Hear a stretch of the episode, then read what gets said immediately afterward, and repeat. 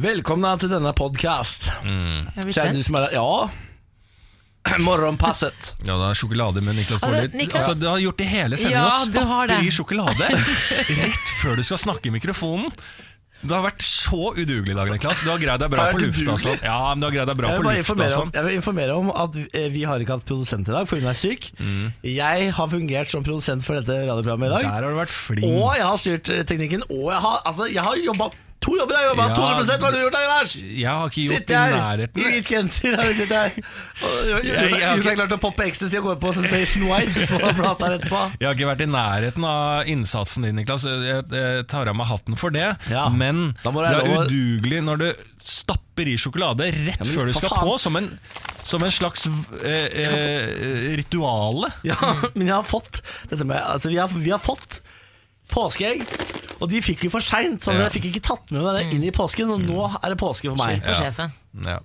Men det har vært en fin sending. Vi har hatt Else Kåss eh, Furuseth på besøk. Ja. Eh, Vi har hatt en slags rar overtenning Ja. siden det er første dag etter påske. Eh, Jeg syns det har vært en fin, fin runde. Absolutt. Ja. Du skal få lov til å høre på hele runden her. Vær så god. Morgen på Radio 1. Samantha Skogran, god morgen. God morgen. Lars Berrum, god morgen. Hepp, hepp, hepp, hepp, hepp. Ja, så var vi på plass, da. Ja, vi var det. jeg har sånn overtenning i dag. Jeg merker at jeg, jeg holder faktisk litt igjen. Å, nei, du må det blir igjen. litt sånn Ja, jeg merker Litt spent. Altså, jeg har en eh, enorm energi ved siden av meg, for Samantha sitter ved siden av meg.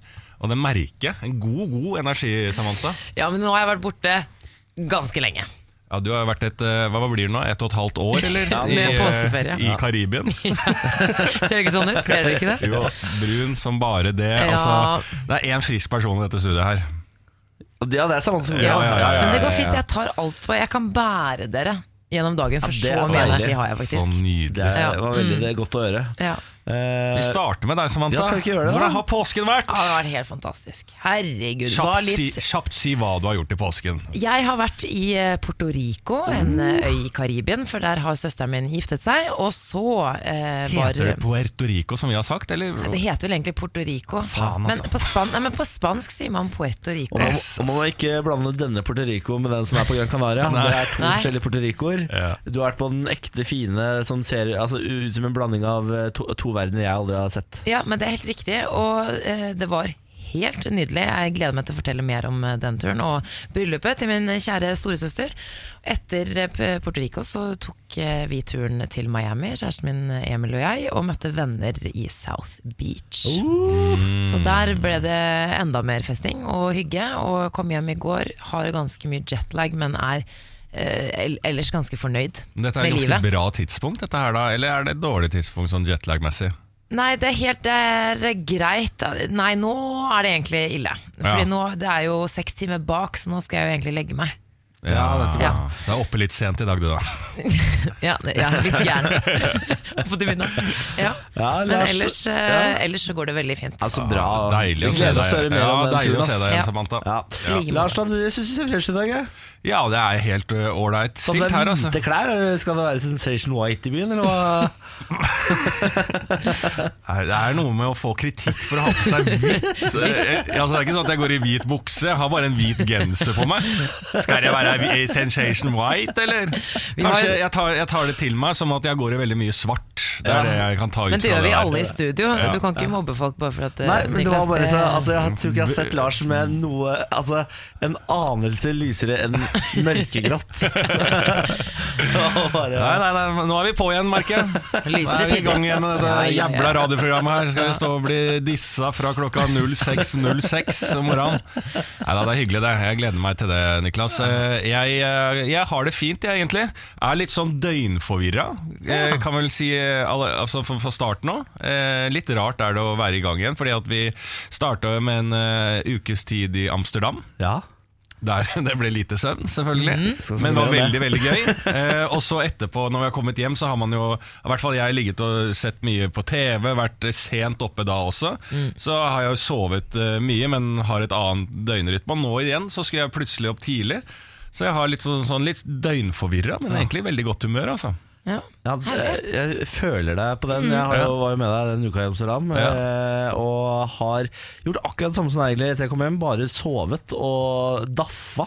Mm. Har sett meg gjennom halve Netflix, føler jeg. Jeg har sett Beauty Shop med Queen Latifah. For hvis vi ikke har sett den Ja. eh, filmen. Verdens beste film med Kevin ja. Bacon som Åh, spiller Yndlingen min. Tysk eh, homofil Frisør, eh, Jo, megahomofil, slem frisør. som ikke vil at Queen Latifah skal få lov til å starte opp sin egen salong. nei, nei. Ja, ja, ja, ja. Eh, Den er verdt å se. Eh, Den er fjerna fra Netflix, så du må jobbe litt. Men eh, Det er den fins på ulovlige plattformer der ute. Å, yes. Dette er mitt beste tips til alle der ute. Se Ja. Queen Latifah og Beauty Shop. Og det, men formen din er fin. Formen er fin! Ja, Du er klar for å gå i gang, du? Jeg er altså så klar. Jeg våknet eh, spratt ut av senga i dag tidlig. Litt for tidlig, faktisk. Måtte sitte et kvarter i en stol i mørket og vente på at eh, trikken skulle gå. Åh, Såpass, ja. Overtent. Er Overtent. Men jeg trodde faktisk det skulle være Det er den eneste lille skuffelsen. Det er veldig fint at det er litt mer bart og sånn nå, men jeg trodde det skulle være litt lysere da jeg gikk hjemmefra. Og så var det fortsatt litt sånn, litt sånn rester fra is Ja. og sånn. Ikke for å være kresen, men det var litt, Jo, litt det. nedtur. Men vi skal, hvis jeg tror sånn europamessig at vi har hatt ganske flaks i Norge denne påsken. Det At har vært helt nydelig her, eh, ja. At eh, sånn Spania og sånn, så jeg så noe, en Instagram-profil av en fyr som var i Spania. Der var det skjerf og lue, altså. Hva sier du det? Ja. Yes. Ja, ja. Nei, det er altså, Våren er kommet. Jeg leste at eh, neste uke kommer vårtemperaturen også, så skal vi opp Yes. en eh, sånn 10-15 grader i Ja, Oslo. litt dårlig uke dette her, sånn værmessig, er det Ja. ikke? Jo, det her, ja. Så Ja. bare det er, hold ut. Dette er en kort uke. til. Dette er, Ja, kort, det er uke. inneklemt uke, det her. Du er bare idiot hvis du er i gang på jobb. Så ikke har tatt deg en lang fri nå. Morgen på Radio 1. Jeg eh, testa ut et nytt eh, spisested i går. Oi! Jeg, har jo han, vært, jeg er jo en eh, globetrotter, en eh, bereist fyr. En, eh, et, en, et individ som egentlig hører hjemme på kontinentet, om jeg får sagt det sjøl. ja. oh, Norge og Oslo er jo for lite for meg. Det har det alltid vært. Det. Fra fødsel av. Eh, men så har jeg blitt her da for å tilfredsstille og berike Oslo og Norge. Eh, så dette er uselv, uselvisk at jeg er her. Men jeg har jo vært en del i eh, København. og der er det et sted som heter Grød. Som er grøt, da. Eh, hvor man får veldig god grøt med karamellsaus. Altså veldig sånn eh, eh, nydelige varianter på grøt, eh, som er et populært, populært sted. Nå har det kommet til Norge, eh, som heter Grøt. Gryn. Gryn, ja! Beklager, Gryn, ja. Ja, ja, ja. Eh, og der eh, var faktisk en danske som jobba der når jeg var der. Jeg vet ikke om det er det danske konseptet som er tatt til Norge, eller i hvert fall en, en inspirert fra derfra. Der vi får kjøpt grøtbok der og alt mulig. Og der får du masse forskjellige varianter av grøt, men også vafler. Ja. Og jeg bestilte meg en vaffel med noe eh, altså marsipansirup, popkorn og eh, noe gryn og blåbær oppå, eh, som var, he altså, var så heftig at, eh, at det hjelp. Og da tenkte jeg litt på dette her, for godt spisested, alt, alt var fint liksom, men jeg er ikke så fan. Det, jeg, noe av det beste jeg kan få er vafler. Og Ja, popkorn. det jeg. Vafler og popkorn, så dette her er jo en god kombinasjon. Men det blir for mye mat på vaffelen. Jeg jeg er ikke så glad Vaffel for meg skal være dessertaktig. Altså Jeg spiser vaffel enten plain eller med blåbærsyltetøy på. Det syns jeg er godt. Men Blåbær? Ja, jeg synes det er veldig nydelig. Og det var det på denne her, faktisk. Men det var mye annet også. Eh, og det gjelder også pannekaker. Mange liker Jeg har også gått på den smellen tidligere at jeg har gått på sånn for på Bærums Verk, der jeg er fra. Der har vi et ganske legendarisk eh, pannekakehus. Å ja. uh, nederlandsk nivå uh, på de pannekakene der. Og der får du alt mulig. Du kan få sånn tacopannekake, altså meksikansk, altså masse forskjellige Yes. varianter. Mye mat på. Det er ikke jeg så fan av. Altså Jeg må ha noe mer motstand hvis jeg skal ha ting Hvis det skal rulles i ting, eller mat skal oppå noe sånn type eh, baks, da, hvis jeg kan kalle det det, så må det være mer motstand. Ja. Eh, så jeg har nå bestemt meg for at jeg aldri skal gå på den tabben igjen og bestille vafler med mat på, eller pannekaker med mat Ja. på. Det tilhører Ja. dessertfamilien for meg fra nå av og til jeg dauer. For et definerende øyeblikk for Lars Berrum Ja. når han satt på Gryn i går eh, og finner ut at jeg skal aldri bestille en vaffel med mindre det er dessert igjen. Ja. Ja, men det er ofte det beste. Jeg kan og det- spise dessert ja. til mat, liksom. Men, Ja. Og en vaffeldessert til mat, det Ja. går helt fint. Men jeg skal ikke la meg lure til å ha på enten om det er bacon eller egg eller eh, ribbe, for den saks skyld, på disse tingene. Ikke, jeg, skal ikke, skal, jeg skal ikke pakke inn pølse i vaffel heller. Men Gryn som sted, da? Dette hipstrete nisjestedet, hvor da, hva gir du det som ternekast? Hver eh, han derre Fosse Five, eller hva han heter? Ja, kan vi ikke gi det en femmer, da? Ja, det var såpass. Fosnes. Hansen er det vel han heter? han Ja, altså Det er jo grøt, da. Det er jo veldig sånn stabilt konsept. Det er jo et uh, artig konsept at det i hele tatt uh, går rundt. De har det bygd det i må, altså de har, bygd, det har de holdt på å bygge faen meg i over et halvt år. Det, Har de det? det har aldri åpna. Jeg har gått forbi der og tenkt sånn Nå må det åpne. Nå må det, jeg er veldig glad for at det åpna. Nå skal jeg sikkert prøve det. altså Ja.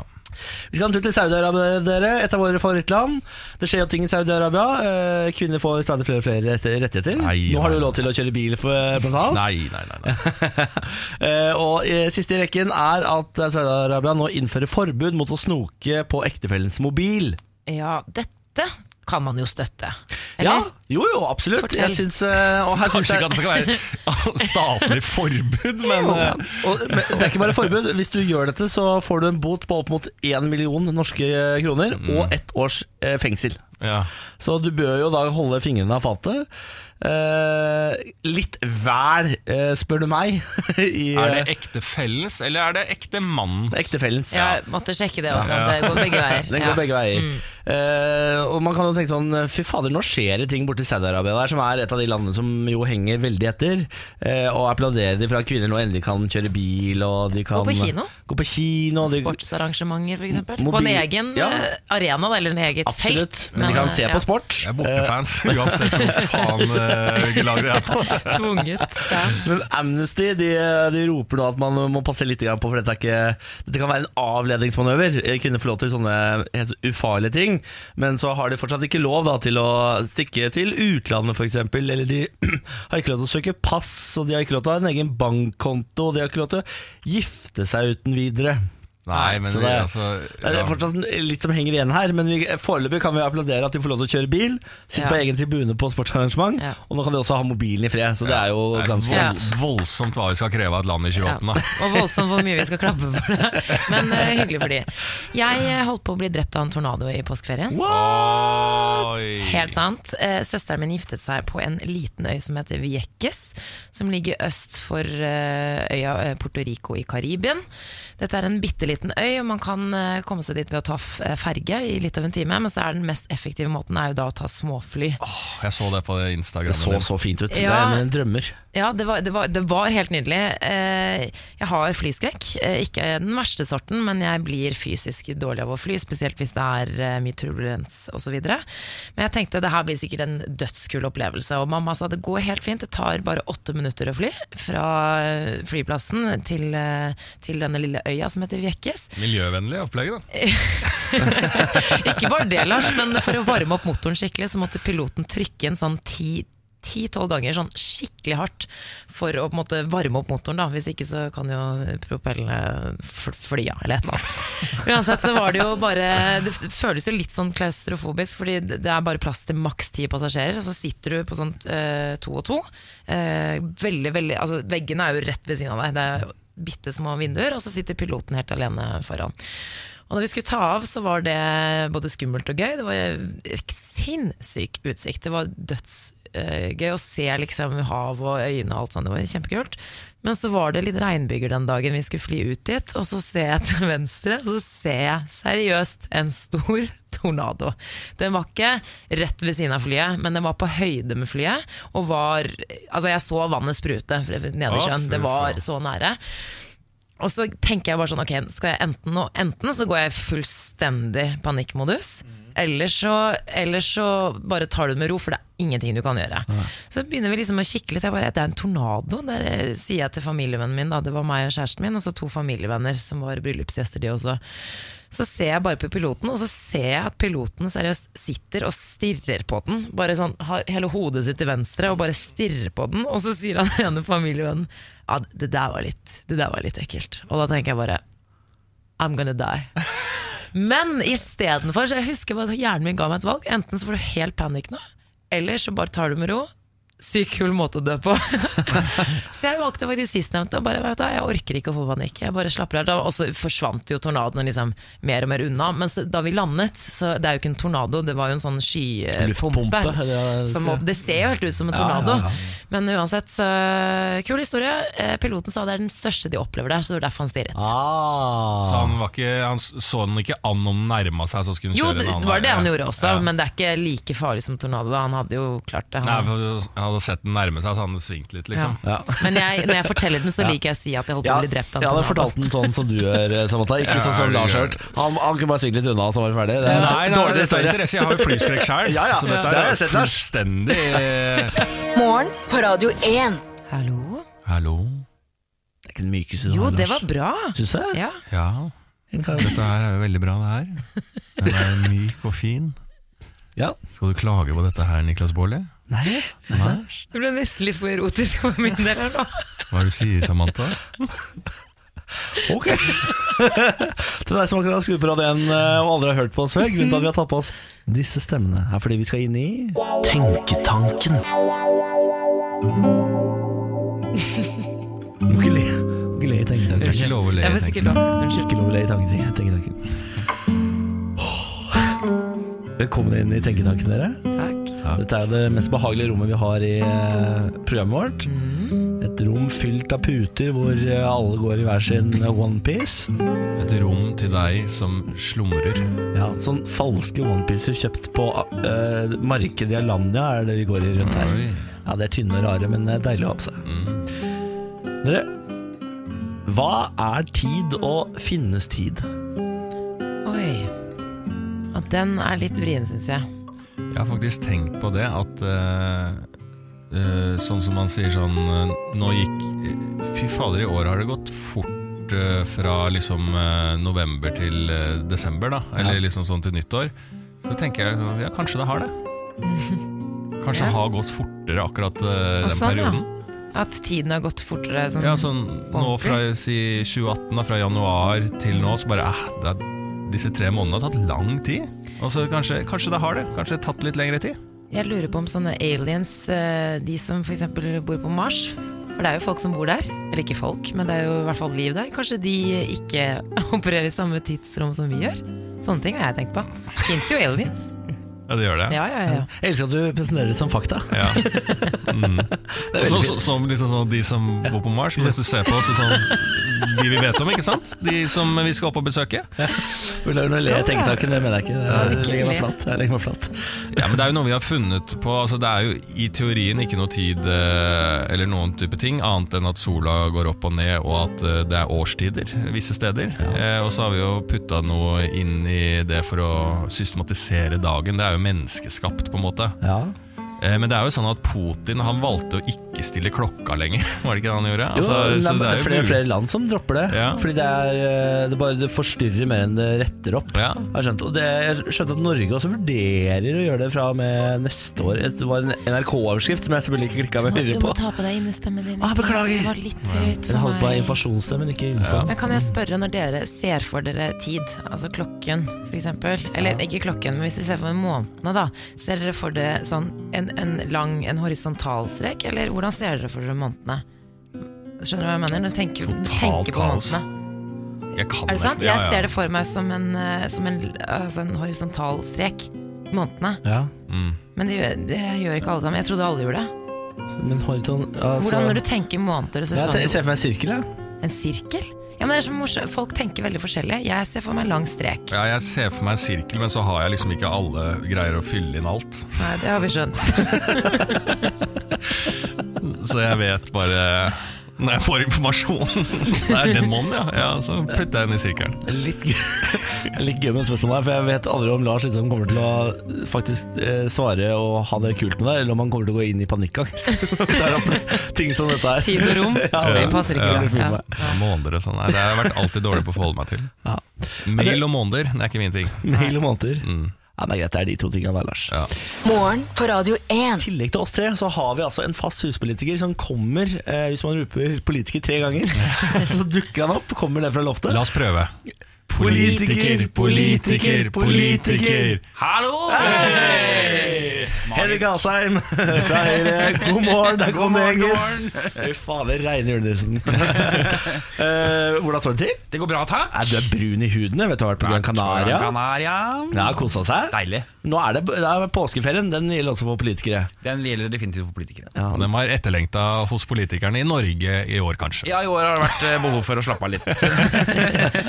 Er vi tilbake til å snakke om politikk når eh, Stortinget er i gang igjen nå? Å gud, det håper jeg vi er. Ja. Men eh, man vet jo fader aldri. Det er jo Enten så er det noen som har bygget et eller annet, eller så er det noen som har lagt ut et eller annet. Eller så er det, Er det et uthus eller en brygge som er bygga her i påsken Ja, som skal det eh, skal du ikke se bort ja, fra. det Nei, blir nok noe sånt. Nei, det kan bli rock. Ja, Vi skal snakke litt om utenrikspolitikk uh, her hos oss nå. For vi må jo til eh, den stadig kjøligere situasjonen mellom Russland og Vesten, og vi har blitt dratt inn i dette her. For de som ikke har fått det med seg, en ekspion ved navn Sergej Skripal og hans datter Julia ble forgiftet eh, av hvem vet? I England den 4. mars. De er vel begge fortsatt i live, og hun er på bedringens vei. Han er litt eh, mer usikker hvordan det går med. Eh, ifølge analyser av blodprøver så viser det seg at det er russisk nervegift som peker da mot det russiske militæret. Dette har selvfølgelig skapt masse dårlig stemning mot Vesten, for eh, England er jævla forbanna, selvfølgelig, fordi eh, Russland har jo ingenting i- Eng i England å gjøre nå å drive og drepe dobbeltagenter. Eh, Russland på sin side sier dette er ikke oss, dette er ikke oss. Eh, hvis du skal eh, prøve å liksom ta tempen på hvor betent denne situasjonen er nå, Nå var det en norsk diplom, så begynner du, kan du si det Vi kommer litt, vi kommer litt ikke må ikke foregripe, Lars. Ja, okay. ok. Det blir Hvor- for mye informasjon, kanskje? Ja, det blir for mye informasjon. hvor, eh, hvis vi starter med hvor betent denne situasjonen er akkurat nå. Den er veldig betent. Ja. Den er det, fordi dette her er jo første gangen, ja, i hvert fall siden ja, Jeg vet ikke om man gjorde det under krigen engang, ja, men at det er blitt brukt da nervegift riktig mot en britisk statsborger, til og med, som har fått da statsborgerskap i Storbritannia, Ja. eh, på britisk jord eh, fra et annet land. Kjempealvorlig. Kjempealvorlig. Så, og, eh, Storbritannia er forbanna. Ja. Russland er også forbanna fordi de blir anklaget. Eh, vi har begynt å utvise hverandres diplomater nå. 150 diplomater på hver side. Norge har utvist én diplomat. Så fint du sa, Lars. Så vi har også blitt kastet med i denne leken. Hvorfor har vi utvist noen diplomater? Det er, veldig, eh, det er et veldig alvorlig svar tilbake når noe sånt skjer. Det er at Storbritannia da utviser jeg tror det er 23 russiske diplomater. Og det er når man gjør, altså Diplomater har jo egentlig total immunitet. Du kan jo bo i et annet land og nærmest bryte alle lover du vil, uten at du kan gjøre noe med det. Ja, det. har skjedd i Norge. det. Er Ja, visst har det det. Diplomater som har brutt loven og kjørt ned folk og Stemmer fått lov til å holde det gående. Absolutt. Så det er jo, Man har en veldig spesiell posisjon i liksom, det utenrikspolitiske verden når man er diplomat. Allikevel så tar da britene og utviser 23 diplomater, for de mener dette her er russerne, eh, og da skal 23 russere ut. Mm. Da blir jo Russland sinte ja. og utviser jeg tror, over 50 britiske diplomater. Da blir USA sinte og utviser jeg husker ikke hvor mange det var, russere. Så sier EU da utviser vi til sammen 13 russiske diplomater. Så ble eh, Sverige og Danmark også med på det, og da sa Norge at vi også utviser én russisk diplomat. Dette er en solidaritet med Storbritannia. Ja, 150 russere er totalt uh, utvist. Russland har tatt akkurat like mange tilbake som en hevnaksjon. Ja. Eh, Russlands utenriksminister eh, kaller dette en barnslig lek eh, og en dreining bort fra brexit. At Storbritannia liksom, de prøver å flytte fokus. da Ja. Eh, Hvor sikre kan vi være på at det er Russland som står bak dette? Ganske sikre. Men altså det som, eh, vi sitter jo ikke, Det er jo ikke offentlig på en måte hele den etterforskningen som britene har gjort, men britene sier veldig klart vi vet det er russerne, Uh, uten å kunne legge fram den dokumentasjonen. Det kan han ha gjort mot uh, amerikanske og europeiske utenriksdepartement, men ikke sånn utad i pressen. Uh, russerne har ikke samarbeidet for å bevise at de ikke har gjort det. Eh, Det slår også norske UD fast. Og Dermed så velger f.eks. Norge da å stole på britisk etterretning, som sier vi antar at dette er russerne. Men det virker jo sånn der, fordi at eh, alle var jo litt sånn uh, venta litt, og det er, ikke, det er ofte vanskelig å få alle samla for sånne eh, støt mot Russland, alle land samla, men her har de jo greid det. Så virker det som noe de har i den telefonsamtalen. For det er sånn, ja vi får se, Tyskland holder litt tilbake, og så er det sånn Nå har uh, hun dama ringt med Merkel, og da er det bare sånn Dette var Russland! Altså Det virker som det er en eller annen sånn tydelig Altså Det er et bilde nesten av en russer. som, Ja, og Theresa May var ganske, hun har gått ut ganske hardt fra start. Ja, jeg lurer på om kanskje de har et eller annet, en veldig rykende pistol et eller annet sted. Altså. Ja, det virker sånn at det er noe enkelt å få klare over telefonen, i hvert fall. Den, nei, det er vel at den nervegiften som ble brukt, finnes bare i Russland. Novichok, Eh, ja, Novichok, ja. Så det tyder jo på at Russland er involvert. Til nå så har jo 14 russere på mystisk vis mistet livet i Storbritannia. Ja. Eh, hvordan er det mulig for et land å da bare sitte og nekte kan man sit, bare sitte og nekte i det uendelige? Og hvorfor er det dette som gjorde at eh, liksom, det rant over? Ja, du kan jo nekte, men hvis ikke man tror på det, så får du denne typen konsekvenser. Ikke sant? Som er veldig, altså det er veldig alvorlige konsekvenser. Og det, Men er det det? Ja, det lurer jeg også på. Er det det? Driter ikke Russland om 23 stykk bare Ok, greit nok, liksom. ja, men det er på en måte, ikke sant? dette her er jo egentlig på en måte symbolet på at kontakten mellom Russland og andre land blir stadig kaldere. da. Eh, og også Russland, selv om Russland er et stort og rart land, eh, er veldig avhengig av å ha kontakt med USA, kontakt med EU. Eh, og nå sier liksom et samlet Vesten på en måte at dette her, nå går dere langt over grensen.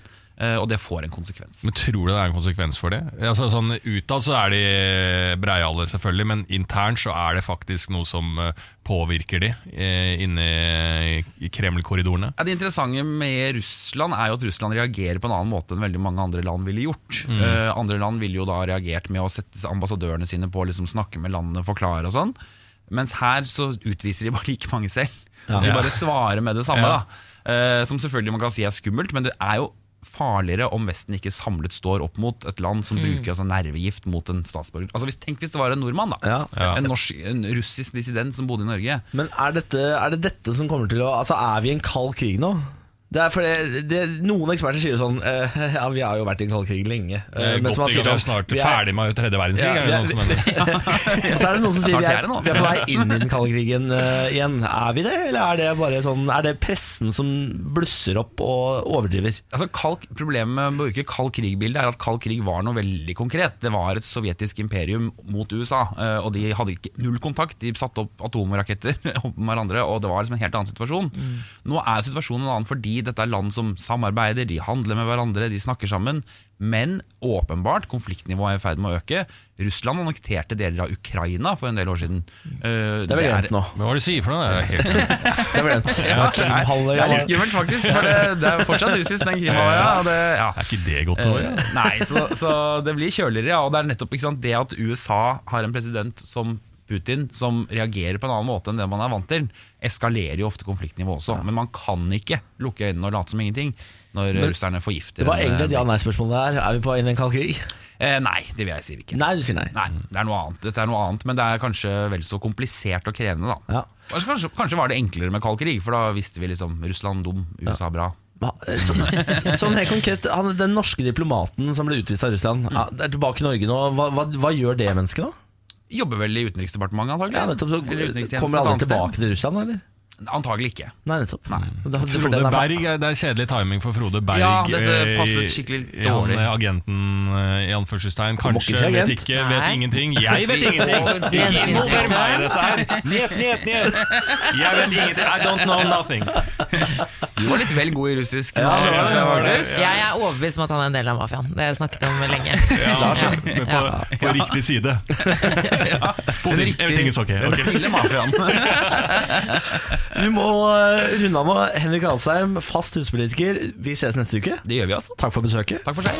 Morgen på Radio 1. Etter det TV 2 erfarer, kommer Ole Einar Bjørndalen til å fortelle at han legger opp i Oi. dag. So long, gamleørn. Ja, Så kjedelig at de tar Altså, at, at de, liksom sånn, de vet at uh, Ole Einar Bjørnland skal annonsere at han legger opp i dag, og så skriver de det. Stjeler det. Ja, Ja, TV 2 var litt sneaky. De ville være De var først på ballen her i dag. Måtte de, de har jo sikkert fått det bekreftet fra en eller annen, da. Så har de skrevet artikkel. Bjørndalen holdt på så lenge, kan ikke han få si det Ja, den, sånn, Ja. Gi han Om få da. minutter så kommer Bjørndalen på uh, denne kanalen her og forteller at han skal slutte.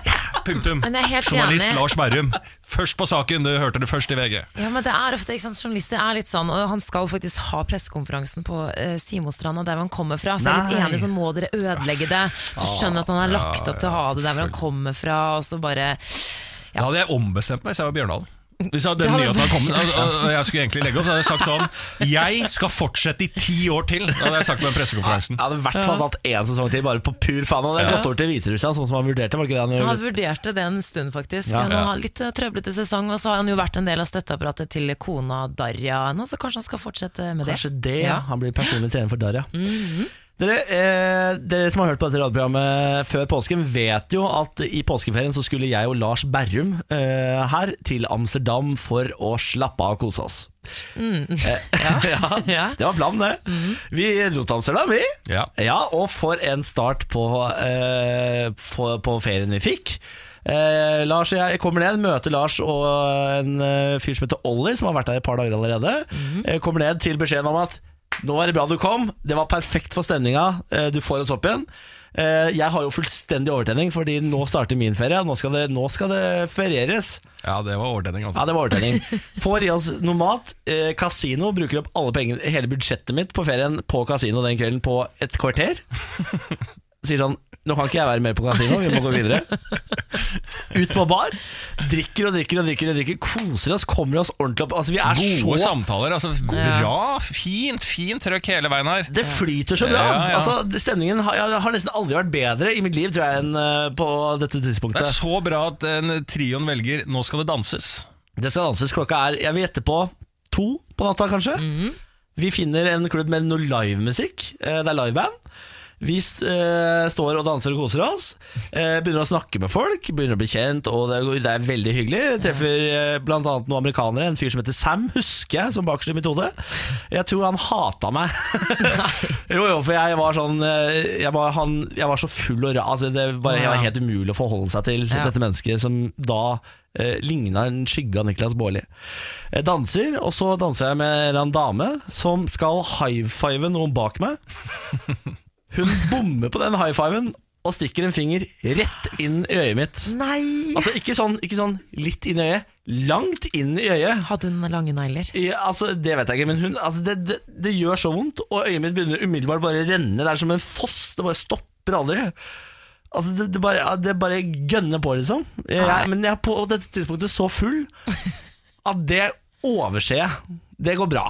Vi fortsetter kvelden, hjem og sove, opp neste dag. Jeg klarer ikke å åpne øyet mitt lenger, det er helt svart. Jeg ser nesten ingenting, det bare renner, og det verker. Og så møter jeg Lars, som sier sånn Vi må på, vi må på sykehus. Sykepleier Lars stiller opp. Ja, ja, vi må på sykehus. Lars tar meg i hånda, og vi finner en eller annen sånn døgnåpen uh, legevakt. Ja, På sentralbanestasjonen i Amsterdam. Yes. Kommer inn der og sier sånn Da har Lars ringt en legekompis som har fortalt oss hva vi skal ha og hva vi skal gjøre. Og sånn. Herregud, Lars. ja, han er helt rå. Ha med deg Lars på tur. Helt rå på tur. Det skal du ha, Lars. Det er jo Ja. jævla god. Jeg går på tur. Kommer inn der, de har ikke ledig legetime. Det er helt umulig å få legetime. Og, og så jeg, og jeg setter meg bare ned på en stol, helt sånn resignert. Jeg gir opp. Lars går i kampen. Fram til resepsjonen. Han skal ha legetime, og han skal bare ha eh, og, og, Igjen, Lars er verdens beste fyr, men Lars sin engelsk er ikke så god. Så han står der, høylytt to meter høy mann foran hun dama i skranken. He needs a perception! Perception on uh, Prescription, Ja, egentlig. ja. ja. jeg greide ikke å si jeg, altså, Det kommer jeg aldri til å greie å si. Det, det, prescription? Altså, jeg, prescription? Hva er det det heter? Prescription. Prescription? Og- Det greier jeg aldri å si. Det var et eller annet ord som hun ikke forsto. Så det gikk fram og tilbake der en god stund, og så begynner jeg bare å Hun ser til slutt at øyet mitt bare renner. Jeg sa jo I'm a nurse. I'm a nurse. I'm a licensed I know nurse. what he's gonna have. He's gonna have this. Og så visste jeg jo navnet på det. Ja, chlorofenicol. Just need that for the eye. Fix a doctor now. We- Take it between. Og så fikk jeg faktisk time til Niklas Baarli. Ah, Ja, ordna Ja, det. Inn til legen. Hun setter meg ned, ser på meg og tenker sånn Nettopp, ja. Det er en av disse folka her. Flott. Eh, maler eh, Gi meg noen dråper flytende morfin eller sånn, som gjør at all smerte bare Det har jeg tatt før. Altså, det er det veldig bra. beste jeg har opplevd i Ja, mitt jeg vet det. Morfin er Så nydelig. bare, woof, så bare Øyet mitt er helt fint igjen, liksom. Så det sånn, Hvor lenge varer dette? 15 minutes. så jeg vet at jeg er i himmelen i 15 minutter. Så maler hun øyet mitt rødt, skrur av lyset, og så lyser hun på øyet mitt og sier sånn Oh, no, no, no, no. This is not good. Not good. Ja. Uh, jo, Sa hun noe om hornia eller noe? Eller? ja, ja, jeg hadde da Jeg hadde revet opp hele nett... Ah, eh, Hornhinnen. hornhinnen Det er forferdelig. Det er all, uff. Uh, så sier hun sånn uh, If you not go blind during the night You don't have to come back But if you wake up tomorrow You not, not see anything you come back. Veldig betryggende å høre på. Veldig betryggende å høre. Ja. Så ut derfra med da noe salvegreier til øyet. Ikke noe smertestillende. Nei, nei. Og lapp foran øyet. Jeg ser altså så rå ut. Dette er dag to i Amsterdam. Altså, Niklas har ikke vært i Amsterdam i 24 timer engang, og nå går han med lapp foran øyet. Og han har så vondt, så han går sånn her hele tida. Ah, holder på øyet og, ah, ah, og skriker. Og det ser jo eh, veldig, veldig veldig vondt ut. Og det som er, som kanskje ikke folk vet når du har gått med lapp foran øyet, for du må jo holde det ene øyet igjen, så det er som Ja. å gå med det ene øyet igjen, Ja. og det andre oppe. Man blir veldig sliten. Ekstremt sliten. Så, og det er en by som Amsterdam der folk eh, putter i seg en del type ting, så han ser, vi sliter jo med å komme inn steder. Fordi at det andre øyet blir så slitent at han ser jo helt ute på tur. Han ser jo kanakas ut til enhver tid på denne turen. Alle, alle steder vi skal, så sier folk sånn How is he doing til, til Lars og sånn, for de snakker jo ikke til meg. Ja, ja. Så, jeg, så da må jeg gå foran og, så, og bare bevise at jeg liksom ikke er så rusa. Sånn. jeg ser jo Ja. ut som jeg går på heroin. Liksom. Så jeg må gå til døra og si sånn I am not on heroin. I just uh, fucked up my eye. That's why I, I am good. I can, You can let me in. It's Det var jo dama sin feil. Jeg tenker Konklusjonen i denne historien her Du og damer er en dårlig idé. Det er derfor jeg har blitt homo. Dette er grunnen til at jeg er homo! Det, har, det har jeg alltid sagt. Ja. Dere er livsfarlige. Er det ikke underlivet, så er det fingrene. Sånn er det. Fader, altså. Morgen på Radio 1. Hverdager fra seks. Lars Bærums morgenkviss. Det skal jo da selvfølgelig være quiz, andre runde for dagen. Og nå eh, sist i dag tidlig så fikk dere to av tre. Ja. Det var ikke gærent. Nei. Se om dere kan uppe gamet enda mer og få en full pott til å starte denne etterpåsketiden. Samantha Skogran, Niklas Baarli, Ja. dere er et quizlag. Ja. Dere får tre spørsmål. Alle svarene kommer helt til slutt. Har dere et quizlagnavn? Ja, vi heter Monster Quiz. Monsterquiz. Monstertiss. Er det det det er et ordspill på? Ja, ja, ja, ja. Ordspill på monstertiss? Er dette godkjent, Samantha? Nei, på ingen måte. Nei, så da har dere ikke ikke det i quizlag. Nei, ikke var uh, ikke bra nok, Niklas. Nei, men dette er eh, Jeg tar et Nei, jeg gjør ikke det. Spørsmål nummer én. Hvilken fellesbetegnelse brukes om bl.a. osmium, platina, palladium og sølv? Fellesbetegnelse om da osmium, platina, palladium og sølv. Er det Sølv er jo Altså, er det det eh, Type sånn metaller? Er det Ja, men, det er, ja, men sølv er jo metall. Men, men hva, er det sånn type metall, på en måte? Kan det være lettmetall? Er det, er det en ting? Ja, er det ikke det, da? Men det, er jo metall. Det, sølv er jo metall, vet jeg i Ja. hvert fall. Men, men eh, er det en type metall? Kan vi spørre om det? Jeg er i den, det gode hjørnet i dag, Mm. så det er helt riktig. Ja, så er det en type metall. Altså, tungmetall, lettmetall, en av de. Jeg sier ikke jo, mer. sånn- Fins det andre typer sier- metall?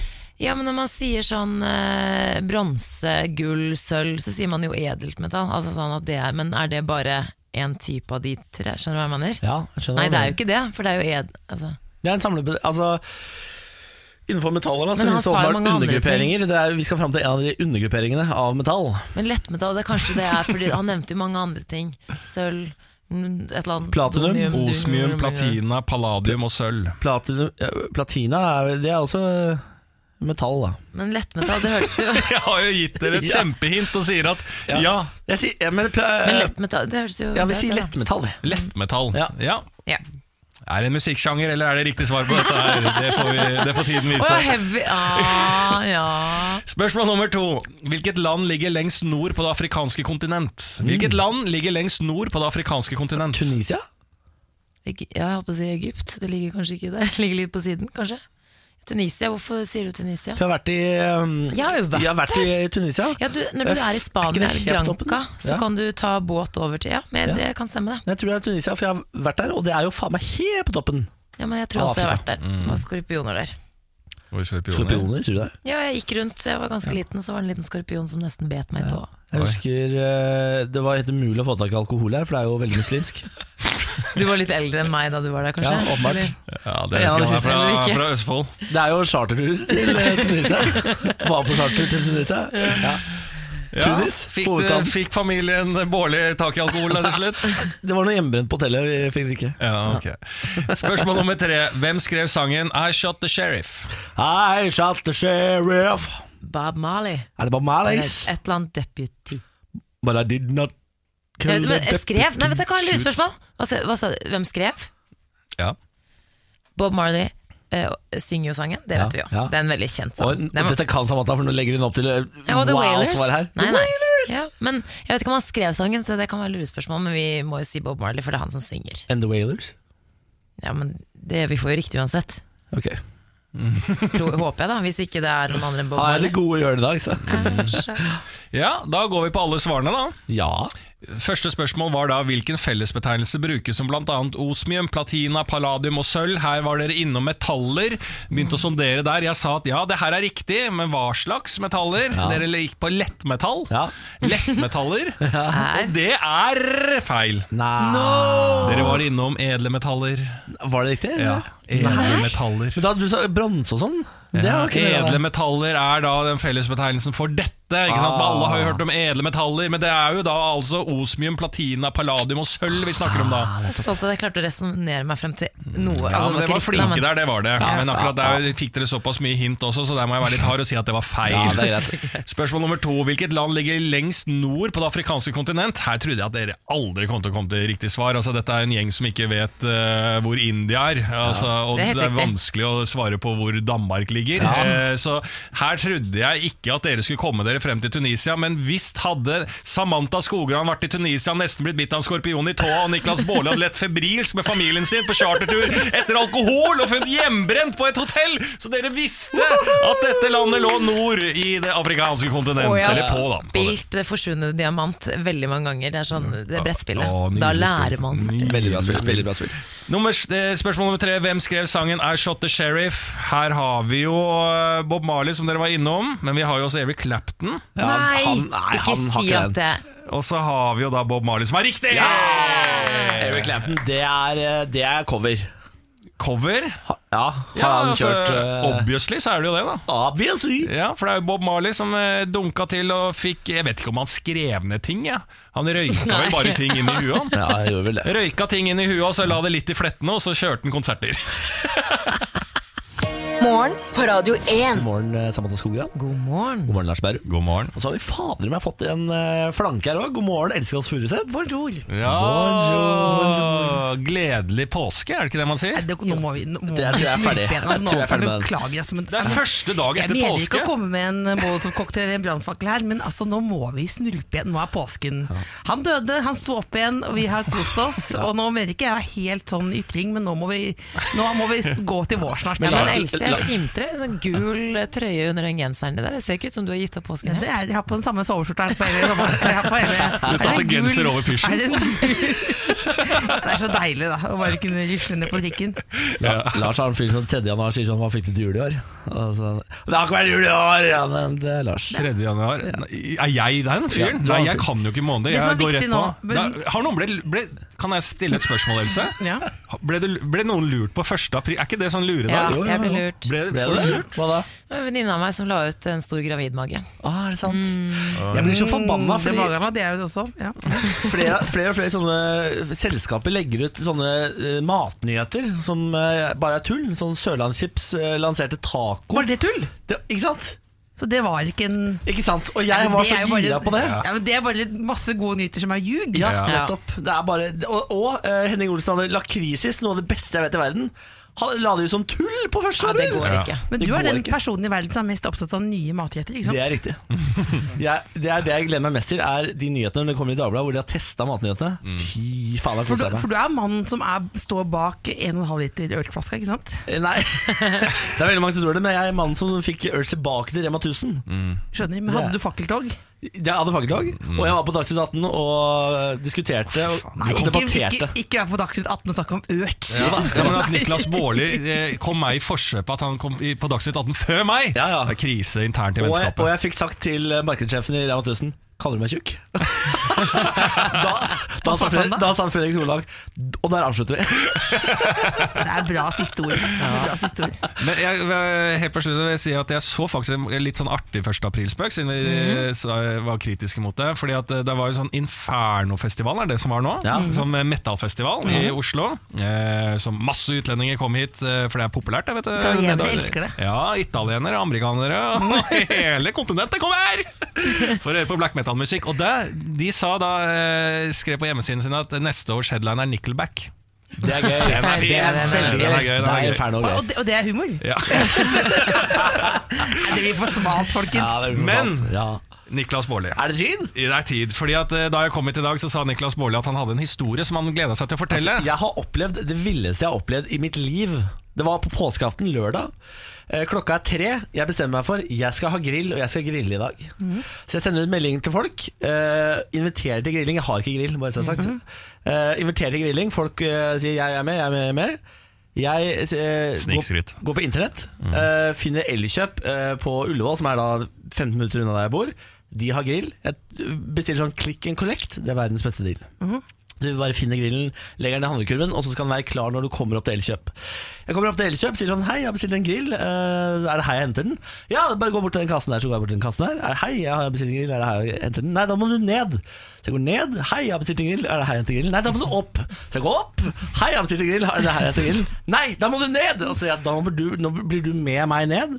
Så vi går ned, og jeg kommer ned. Nei, grillen er oppe. Så vi går opp igjen. Eh, Og når du kommer opp, så viser det seg Da De kunne du si- har ikke grill. Da kunne du si han kaller meg Nei. sjuk. De har ikke noe grill.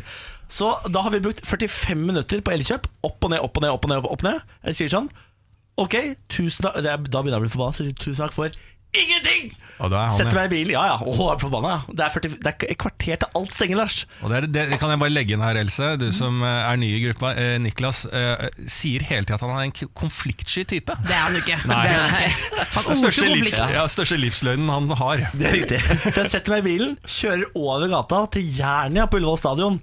For da har jeg sjekket på internett, de har grill. Så kommer jeg inn på Jernia, som driver og pakker inn alt de har. snart. Et kvarter til klokka er fire. De pakker inn alt som står utenfor. Jeg sier har dere grill? Ja, vi har grill. Yes, veldig bra. Du må bli med ned og hente den. så vi går ned i kjelleren under Ullevål stadion, inn på et lager med sånn trillegreie, og finner et lager av grill. Og- Grill heaven. Grill heaven. Og vi bærer altså, Du vil ikke tro hva en grill veier.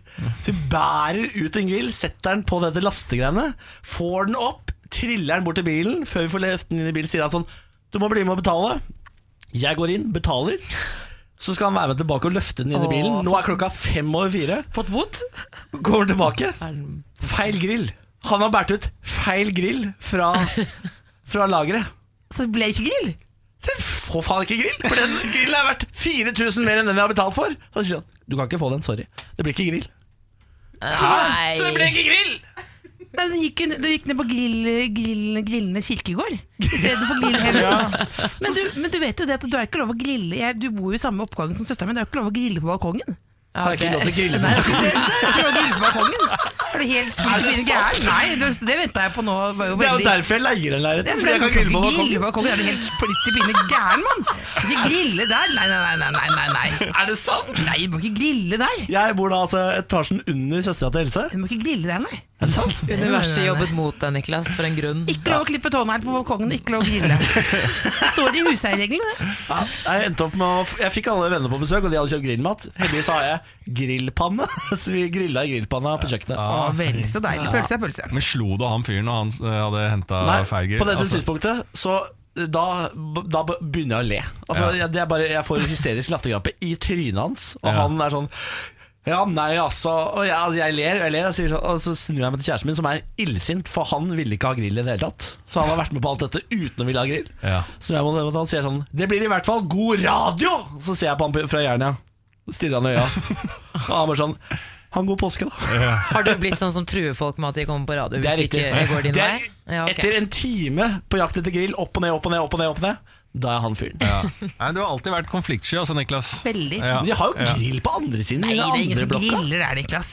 Andre siden, ja. Ja. ja helt annet samme meg, det. Det er ikke noe grill her. Er det sant? Det er sant, ja. Ja, Da må jeg bytte leilighet, for det er eneste grunn til at jeg leier der. Nei, nei, nei. nei, nei. Koselige naboer, da. Det er veldig koselige naboer. Det er Morgen på Radio 1. Hverdager fra seks. Else Kåss Furuseth er på besøk. God morgen. Bonjour. I tillegg til henne så er selvfølgelig Lars her. God morgen, Lars. God morgen. Samantha er her. God Jeg morgen. heter Niklas. Det er hyggelig. hyggelig, hyggelig at du hører på. Ja, det er så hyggelig. Alle er ekstra snille mot hverandre i dag. Er det ikke sånn? Jo. Jo. Siden alle, Det er jo røft for alle etter ti dager i, sånn, i fosterskilling, Ja. i onepiece, Ja. og begynner å jobbe igjen. Ja, Vi er skjøre mennesker, så vi ple- pleier hverandre og stryker hverandre over håret. Og hjelpe hverandre opp. Og mot nye utfordringer og nye eventyr. Absolutt, absolutt. Ja, ja, ja. Men du er jo her Sky is the real limit. eh, Sky, altså Above sky is my limit. Else. Vet du hva de sier for noe? Nei. Eh, snille pikker kommer til himmelen, og gærne damer kommer så langt de vil. Nei! Gå hjem du, Else! Så er det høyt. Er Trekker jeg tilbake. 37. Oh. 37. Nye, Hang loose, hang loose Steinar. nye 27, 27 det? Ja, ja, ja. ja, ja. Jeg er 15 år, ikke sinns. Ja. Ja. ja, alder er bare et tall, har jeg hørt. Nå må vi gi oss. Else, du er jo her, du er her fordi at vi har en spalte som heter Fortell oss noe du vet, og du er her nå for å fortelle oss nettopp noe du vet. Fortell oss. Fortell oss, fortell oss noe du vet. Jeg er her i dag som en liten professør, kall det gjerne en Poirot-aktig karakter her, og skal fortelle det jeg kan mest om etter påsken, og det er kjendisenes private påskeminner. Eh, dersom man ikke har fått med seg det, og for, mm, for bare si at noen blir irriterte på SoMe-strømmen, eh, men jeg bare suger det til meg som en svamp, blir avhengig. Først jeg vil dele litt om hva Frank Løke har gjort i påsken. Action-Frank? Eh, ja, Action-Frank. Først så hadde han 15 km frekk løpetur hjemme på privaten, og så dro han til Alicante med en hemmelig skjønnhet. Oi. Og da sto han på langfredag på en balkong og skuet utover, og da ser vi bare rumpeballene til denne hemmelige skjønnheten. Og så skriver Frank Løke 'ikke akkurat feil utsikt'. Eh, og det er ikke da er for å bevare eh, liksom, privatlivets fred, så ikke si hvem det er, hun kvinnen. Men det er ikke den samme eh, som han var på forsiden på Se og Hør med eh, for en stund siden, men det er altså, altså en kvinne. Ja. Og det er ikke kjærester. Det er ikke kjærester for guds skyld, det er bare en flørt. Så det er det jeg vet har lært denne påsken her om Frank Løke. Og vi kan jo gå videre til Isabel Lunde. Eh, hun hadde en ganske bra aprilsnarr. Eh, Isabel Lunde eh, hadde da en tilsynelatende tatovering hvor det sto da Eller Martine Lunde var det. Hun hadde en tatovering av Isabel og Alexander. Og hun trodde det tok Nå sovnet Lars Berden faktisk, men hun trodde, folk trodde han hadde tatt en tatovering, men det var ikke hennes. Oh, det var bare ljug! Så det var en morsom aprilsnarr. Det har jeg lært i påsken. Det skjønte jeg ikke. Isabel og Nei, det var, nei jeg tatt sa feil. Martine Lunde hadde en tatovering Av Isabel og Geir? Ja, Isabel, ikke Geir Skau. Det var det, det. jeg lært i påsken. Ja. Eh, Og så har jeg også lært at is, noe er fint av Isabel Råd eh, og, og Ja, hun er i Paradise. ja, eh, De bor på Marbella nå, Isabel og Pierre. Gjør hun det? Ja, det bor jeg på bedre blogge derfra. Eh, og, men så er det sånn at nå Ja, lett å le av, men det er faktisk setter jo ting i perspektiv. Du vil jo grille her eh, på Bislett, ikke sant? Der kan du grille 24-7 på Marbella. Mm. Men, nå, men nok om det. De har vært i Thailand i påsken, og de skulle kjøre en tur rundt eh, Koh Lanta. Eh, For å se på eh, apesafari. Og der, altså, de apene de er frie. Det er et veldig viktig poeng. Og det, de er så hyggelige typer. Eh, og det jeg lærte av Isabel, er at de faktisk liker bedre ananas enn bananer. Nei, er det sant? Ja, det er litt interessant. Det er litt, det er, det er litt interessant. Der våkna Skogran også. Det er, ellers, lærer masse av Isabel eh, Råde. ja, ellers så kan ja, det, det kan du, du kan lære masse om vipper og diverse også, men i hvert fall det med, med ananasen. da Ellers vil jeg si at Karina Dahl har kosa seg i året. Det er Petter Northug også. eh, og Ida Fladen er det en vært kobling der, kanskje? Ja, de er bare venner. De er bare venner, Men de er gode venner. Gode festvenner. Det er Ja. mye på fest sammen. Ja. Absolutt. Uh, ellers så er Ida Fladen har vært uh, kosa seg. Uh, Kygo, Sri Lanka. Ronny Brede Aase, Thailand. Er det mer de lurer på? Altså, Ja. Det er det jeg er ekspert kan Jeg kan legge til, liksom, for jeg så at han eh, Tiesto, andre DJ-en, eh, Ja. kommenterte på Kygo sitt bilde eh, når han lå i en hengekøye nede i Sri Lanka, Ja. Og så skrev Tiesto 'Very tropical of you'. Det er slag fra gamle Ja, mann. den, den, den, den skjønte jeg. Ja. Er du med, Samantha? Ja, jeg er med. Jeg er med. Tropical House, ikke sant? Ja, du føler du måtte forklare det til meg, av alle oss tre? Ja, det var. Men du Else, du jo, er det noen av disse kjendispåskene som du er litt misunnelig på? Er det en spesiell Ari ferie? Ari Ba- Harahorn. Eh, der har han hatt det nydelig Han har lest nydelige bøker foran peisen. Og han sa det godt sjøl. Drømmepåske. Punktum. Ja. Men, altså, det, Harahorn, ja. det, men dette er faktisk et problem for meg, fordi at jeg, jeg suger det til meg som en svamp. Og nå har folk det for hyggelig, så nå gleder jeg meg til vi skal gå inn i en litt sånn tid, håper jeg, da, og folk på en måte demper, eh, demper eh, Skiller seg, slår over. ja, fordi, ja, fordi jeg rett og slett jeg blir Ikke at jeg er noe muggen på det, jeg bare blir veldig, veldig, veldig veldig, veldig misunnelig. Det er to Ja. måneder igjen til 17. mai, Else. Da kan du glede deg, for da er det ny runde. Så du må bare bygge opp uh, to- toleransen. Men har vi lært noe? Jo, jeg har lært, lært noe, men jeg kan melde meg på og si at jeg eh, lar meg ganske påvirke av sånne sosiale medier, mer enn jeg vil innrømme. Fordi at det er eh, når jeg ser sånn folk har det så hyggelig på Det har vært veldig mye hytteturer og skiturer. Og så når jeg ser at de har det så hyggelig, som for eksempel Nå har ikke jeg sett Ari Behn, men nå sitter foran peisen og sånn. Hvordan de greier har de det Jeg, jeg vet ikke om jeg greier å få frem den hyggen. Altså, Har de det så hyggelig som uh, det tilsier? Og Noen ganger så tror jeg på det. Det er noen av mennesker som bare er gode på å hygge seg sånn ekstremt. Jeg tror, tror på det. Altså. Katarina Flatland hun har gått på ski med kjæresten eh, Doblo. Ja. De skal jo gifte seg snart. Ja, Nede på et slott, skal de ikke Ja, det? det vet jeg ikke helt. Ja, er det det? det slott Han fridde i hvert fall i, i, i New York eh, i Ja. 2016. Altså, hvorfor kan jeg få altfor mye om dette her? Ja, Det aner jeg ikke. Samantha, du skal gifte, du skal gifte deg, du, ikke sant? Du har vært i bryllup, du, så jeg har lest også på internett. Nå, nydelig kjole. Søsteren din, veldig pen. Sant, Ja, så, og fin. Tatoveringene kom til sin rett også, Ja. til, forhold til kjolen. Hvor er jeg og Niklas vært da? Du, det er Amsterdam. Det er Ikke snakk om det. det Takk for besøket. Skal jeg gå nå? Ja, nå må du gå. Jeg hører, merker det på deg. Morgen på Radio 1. Og amerikanske flygere mener de så ufoer over Arizona. Åh, Det der er så bra! Dette er jo Yes! min gate. Nå er det igjen tegn på ufoer. Det var jo den videoen jeg så for en stund siden. Uff a meg. Som da, de hadde ekte bilder, og man kunne se faktisk et sånn flyvende objekt som fløy i alle mulige kanter, og folk sa at det her er helt umulig av aerodynamisk teknologi som vi har i Mm. dag. Dette her er framskritt. Og dette her er Altså, aliens, kom med det, liksom. Jeg vil ha de. Men nå, må de, nå mener jeg Nå er det såpass mange bevis på at de fins rundt oss her. At de flyr eh, og er på besøk. Nå må de snart ta kontakt. Ordentlig kontakt. Og ikke bare med den amerikanske myndighetene. De må, de må ta kontakt med vanlige folk. Nå, de må lande på Times Square, og så må de si sånn Hello. Time of Square, var det du sa? Times Square? Ja. Sa jeg noe annet enn Times Square? Du må lande på Time of Square. Jeg mente Jeg er helt enig. Times Square, Du må lande midt på Times Square! Er det det dere sier? Ja, og si hei, hei. Og så hei, hei, og så skal vi bli venner med dem, og så skal de lære oss masse ny teknologi. Tenk deg da Tenk deg hva slags verden du kan leve i, Lars. Ja. Bare de ikke lander i Russland. Ikke lander i Russland. Eh, nå er det jo vært litt diskusjoner rundt eh, sånne skjønnhetsprodukter. Okay. Eh, fordi at det har jo kommet en trend nå med naturlige produkter. Ikke sant? Det skal være litt urter, det skal være litt lavender. Ja. Kjøre på med litt uh, avokadobaserte ting her og der. Ikke sant? Eh, kontra d- dermologiske produkter uh, mm. um, som er eh, forska frem. Da. Så har jo, slik jeg ser det, så har du på en måte én side som er på en måte medisinsk dermologiske produkter som på en måte har en bedrende effekt, bevist. Og så har du nummer to, så har du liksom det jeg vil kalle Dove-gjengen, som er sånne ansiktskremer og alt sånt som på en måte later som de har en effekt. eh, fuktighetseffekt. Og så har du tredje sida, der er det liksom avokado smør rett Ja. på huden, og med noen urter og chili. som Mos skal- en banan i trynet. Ja, Som du har lagd sjøl. Ja, Ja. Nei, som du ikke har lagd selv, som du kan kjøpe. Liksom, ja, ja. Du kjøper en mosbanan med noe urteekstrakt, og så blir du fin. Eh, nå viser det seg at eh, dette med mm, disse produktene som er helt naturlige som alle har blitt sånn trende, Dette fremprovoserer sånn dårligere hud hos folk. Ah. Fordi folk er jo allergiske. ikke sant? Det er jo ofte derfor de som trengs mest eh, fukt, eh, fuktighetskrem og sliter mest med huden, er jo ofte folk som er sarte i huden. Har eh, enten sart hud eller har, er allergisk mot ting og tang. Og når du da smører på ja, fremmede urter i trynet, da, så viser det seg at du er allergisk mot det òg. Så får du verre og verre hud, og du smører mer og mer på. Og dette kan gå litt sånn, bli litt gærent, da. Jeg har eh, nå, det, nå, er, nå legger jeg meg sjøl på hoggestabben her, det skjønner jeg. Fordi jeg har gått i mine 28 år og trodd at sånn eh, hudkrem og sånn, det har ikke noe å si Altså, det hjelper ikke. Nei, Uansett hva faen du kjøper. at det, det har ingenting å si. Jeg har aldri brukt no, altså noen som helst krem i fjeset. Nei, det ser man. Det er, ja, det, det, det, sa jeg det høyt? det er det jeg mener. Ser man det? Nei. Eller kunne jeg hatt sånn dritfresh hud hvis jeg hadde brukt krem i ti Men du har jo år? liksom? fresh hud. Ja. Du sliter, men jeg tror man skal være litt, ikke, altså være litt forsiktig, for det er mange Du har nok eh, normal hud. Ja. Det er mange som Jeg har f.eks. veldig sensitiv hud, og også slitt litt med huden.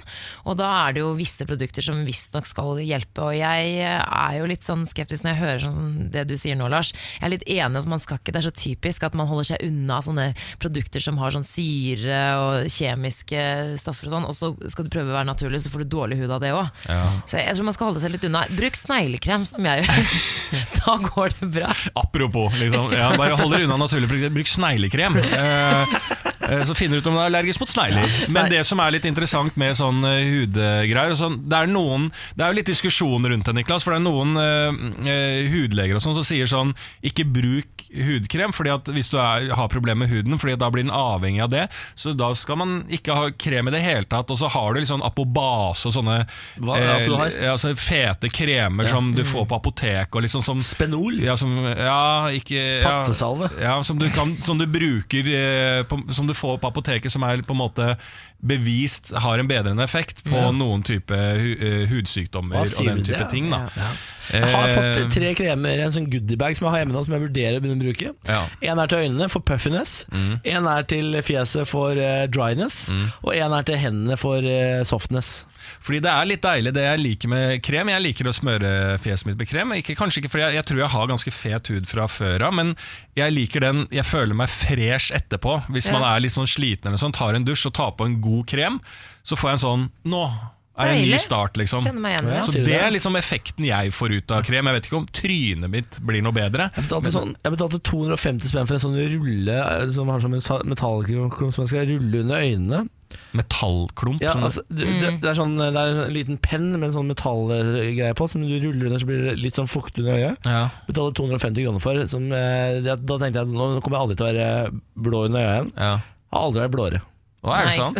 Du stakk den inn, du, sikkert. Ja. Kjørte inn i øyet.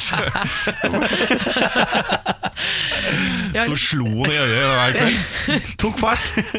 Les bruksanvisningen først hvis du skal bruke noe sånt. Jeg har lyst til å snakke litt om Alexander Kristoff, eh, Syklist. syklisten. Han mener at slankepress fra eget sykkellag eh, ødela sesongen hans. Han eh, fullførte jo Flandern rundt, sykkelrittet nå søndagen som var. Eh, Kom på en 16.-plass, han har vært litt forkjøla.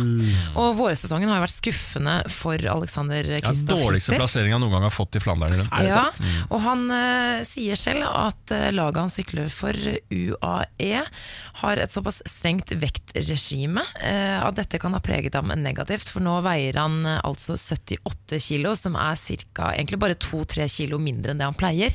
Men han mener at eh, kroppen hans er utsatt for mer sykdom og smitte osv. Det er lite i vekt når du tross alt er toppidrettsutøver og hele kroppen din er full av muskler. Som jo eh, Du skal veie en del når du er idrettsutøver, skal du ikke det? 76 kilo. høres jo helt- Ja, men det er litt annerledes sånn hoppere, liksom. De også er jo helt sånn forferdelig Altså ty- Ja. fryktelig tynne. Men de har jo alltid en sånn, eh, altså en, en sånn idealvekt, da. Ja. Som ligger på, som, og hans har vært sånn rundt 80. Og hvis, han, hvis du faktisk ligger Det er jo for oss vanlige mennesker også, at hvis du ligger litt under det som egentlig er normalen for kroppen din, så blir du jo f- fortere syk. Ja. Men eh, jo, jeg visste ikke. Jeg tenker sånn, det er litt sånn er Derfor er jeg å så lite syk. Jeg liksom har gått over.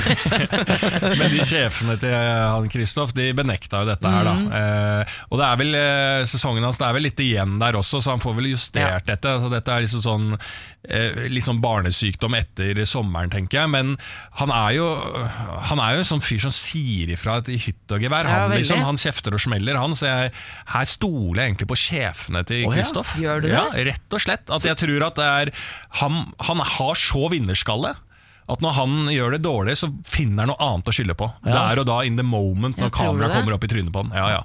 Ja, for han sier sånn, jeg tror jeg er for tynn, og så tenker jeg sånn, jøss. det er jo- Og så går han ut og sier mot egne sjefer, han er jo i hvert fall Ja. ikke redd for å motsi noen. Kristoff, ring meg, jeg skal hjelpe deg med de kiloene. Null problem. ass Jeg vet om et sted som har en pizzabuffé, og så har jeg noen burgersjapper vi kan gå og besøke. Så er de kiloene på, da vinner du neste race. Null stress. Dette er morgen på Radio 1. Nå skal vi inn i en eh, spalte hvor Samantha skal få lov til å presentere sitt nye crush. Ukens crush. Ja, dere har jo vært i det store utlandet under påskeferien. Det får en si. Puerto Ja. Rico. Ja, og turen endte i Miami, en fargerik by, og der kan man jo bli inspirert på flere fronter. Vi gjorde ulike typer turisting. Det var jo meg og kjæresten min, og så var det to vennepar. Vi var på alligatorsafari, vi syklet langs promenaden osv. Og en kveld så dro vi da på eh, en basketballkamp på American Airlines Arena, som da er hjemmearenaen til eh, basketballaget Miami Heat. Heat. Jeg bare visste at det, det visste jeg faktisk, men jeg heter det. Jeg kunne det. Ja, du kunne det. Og de spilte mot et lag som du kanskje også har hørt av. Chicago Bulls. Ja. Og Imponert. veldig imponerende, Niklas. Vi satt ganske langt bak i den såkalte nosebleed section. Det er altså så langt bak eh, at ja, det er kanskje det lengste du kommer eh, selve banen. Men det gjorde ingenting. Og under kampen, det er så mye som skjer under denne kampen. Men eh, selv om du sitter ganske langt unna, så ser man faktisk ganske mye. For disse basketballspillerne er altså eh, faktisk høyere enn deg, Lars. Langt over Det to meter. an, det tror jeg ikke på. Jo, det er helt sant Freak of nature. var veldig mye pent eh, å se på.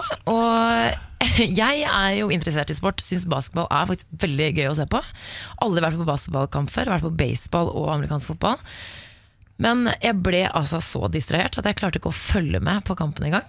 Fordi mellom hver eneste quarter, som det heter, det er jo fire quarters, så kom det ut noen dansere som altså, eh, Kanskje det sykeste jeg har sett. Jeg ble helt satt ut av heat-danserne. Heat er et velvalgt ord for å beskrive disse kvinnene som danser. Ukas crush er ikke ett menneske, men det er altså heat-danserne. Gruppe med cheerleaders, liksom. Altså, det går er ikke an å å- forklare hvor vakre og hvor eh, sexy disse damene var. Jeg var helt bergtatt. De har sånn atletiske kropper, og en sinnssyk koreografi. Og jeg og venninnene mine vi satt egentlig bare og gledet oss til hver pause for at de ikke kom ut og gjøre en ny dans. Vi satt, helt med, vi satt med hakeslepp hele gjengen. Du er ikke aleine om å få Sikkert en del dille menn på den tribunen som satt akkurat og tenkte det Ja, men jeg tror ikke det går an. Det er universalt. Det, er liksom, det spiller ingen rolle om du liker jenter eller gutter eller hva du liker. Etter kampen så var jeg så obsessed, jeg klarte ikke å slutte å tenke på det, at jeg gikk inn på eh, De har jo en egen nettside, disse heatdanserne. Eh, Alexandra, Fabiana, Ariana. De het eh, altså, Så kunne du følge alle profilene deres. Jeg stalket hver og en av de. Så Og må bare si anbefaler jeg kan, til lytteren da ja. å gå inn og hvor er, hva, hva søker man Mi, på? nei, bare søk på Miami Heat Dancers. Mm. Ja, så jeg måtte bare si Jeg tenker fortsatt på det. Jeg trodde det skulle bli liksom som en eh, LeBron James, men han spiller kanskje ikke der lenger. Nei, ikke lenger. Dwayne han Wade spiller gjør i det. Cleveland eller noe sånt, han nå. Ja, Cavaliers. Ja. Ja. Så, De var eh, ganske lekre, de basketballspillerne også. Er ikke Men de eh, fine. Fy fader. Ja, altså, de er jeg, altså, det måtte måtte, hvis jeg eh, hadde vært homofil, så hadde det vært en sånn jeg hadde gått til. Ja. Eh, Ja, er basketballspiller. jo, men, jo, men jeg er jo såpass høy, så tenk deg jeg kan bare se opp til og bare legge meg inn under bicepsen og føle meg liten hos en sånn slegge som de er. Fy fader, altså. Å bli passa på av en basketballspiller, det tror jeg hadde vært drømmen min. Det tror jeg kanskje ikke jeg kan få oppnå med mitt, eh, siden jeg er heterofil. Ja, men du kan jo, jo, men du kan jo bare unnlate å ha sex med han. Altså oppleve en såpass sterk bromance. Ja, ok. Ikke sant? Guttastemning. Ja, men, jeg skal prøve på det. Få guttastemning inn. eh, Finne meg en basketballspiller og guttastemning med. Gjør det. Lykke til. Lars. Ja, takk skal du ha. Morgen på Radio 1. Det var runden her. Da var den ferdig. Ja. ja, vi er fortsatt her. Ja. Fortsatt Det er noen sendinger på de morgensendingene her altså, som jeg aldri har opplevd sånn i livet. å ha må- øh, for jeg, sånn, det med morgenradio, da. At det er noen ganger det bare Altså det, er, det er elementært viktig at sendingen slutter. Altså Skjønner du hva jeg mener? At Ja. Hvis vi hadde fortsatt nå, så hadde det altså, jeg, vet, har ikke, jeg vet ikke hva Niklas hadde funnet på å si. Nei. Eh, Samantha, du har også blitt litt ko-ko. Altså, jeg hadde rakna helt. Altså, det, er sånn, det går et sånn stoppunkt på disse dagene når alle er sånn- litt sånn lite søvn og sånn. Klokken ti, altså etter klokken ti, da skjer det mye greier oppi hodet. Ja. Det er en grunn til at ingen eh, morgensendinger på radio eh, eh, varer lenger enn fire timer. Det fins ingen morgensendinger på norsk radio som varer lenger enn fire timer, fordi alle har blitt felt i PFU. Blitt tatt av lufta. Og altså, så det er rett og slett for vår og deres sikkerhet der ute. Ja. Men eh, vi er tilbake i morgen. La oss ned som podkast da. Vi takker for nå.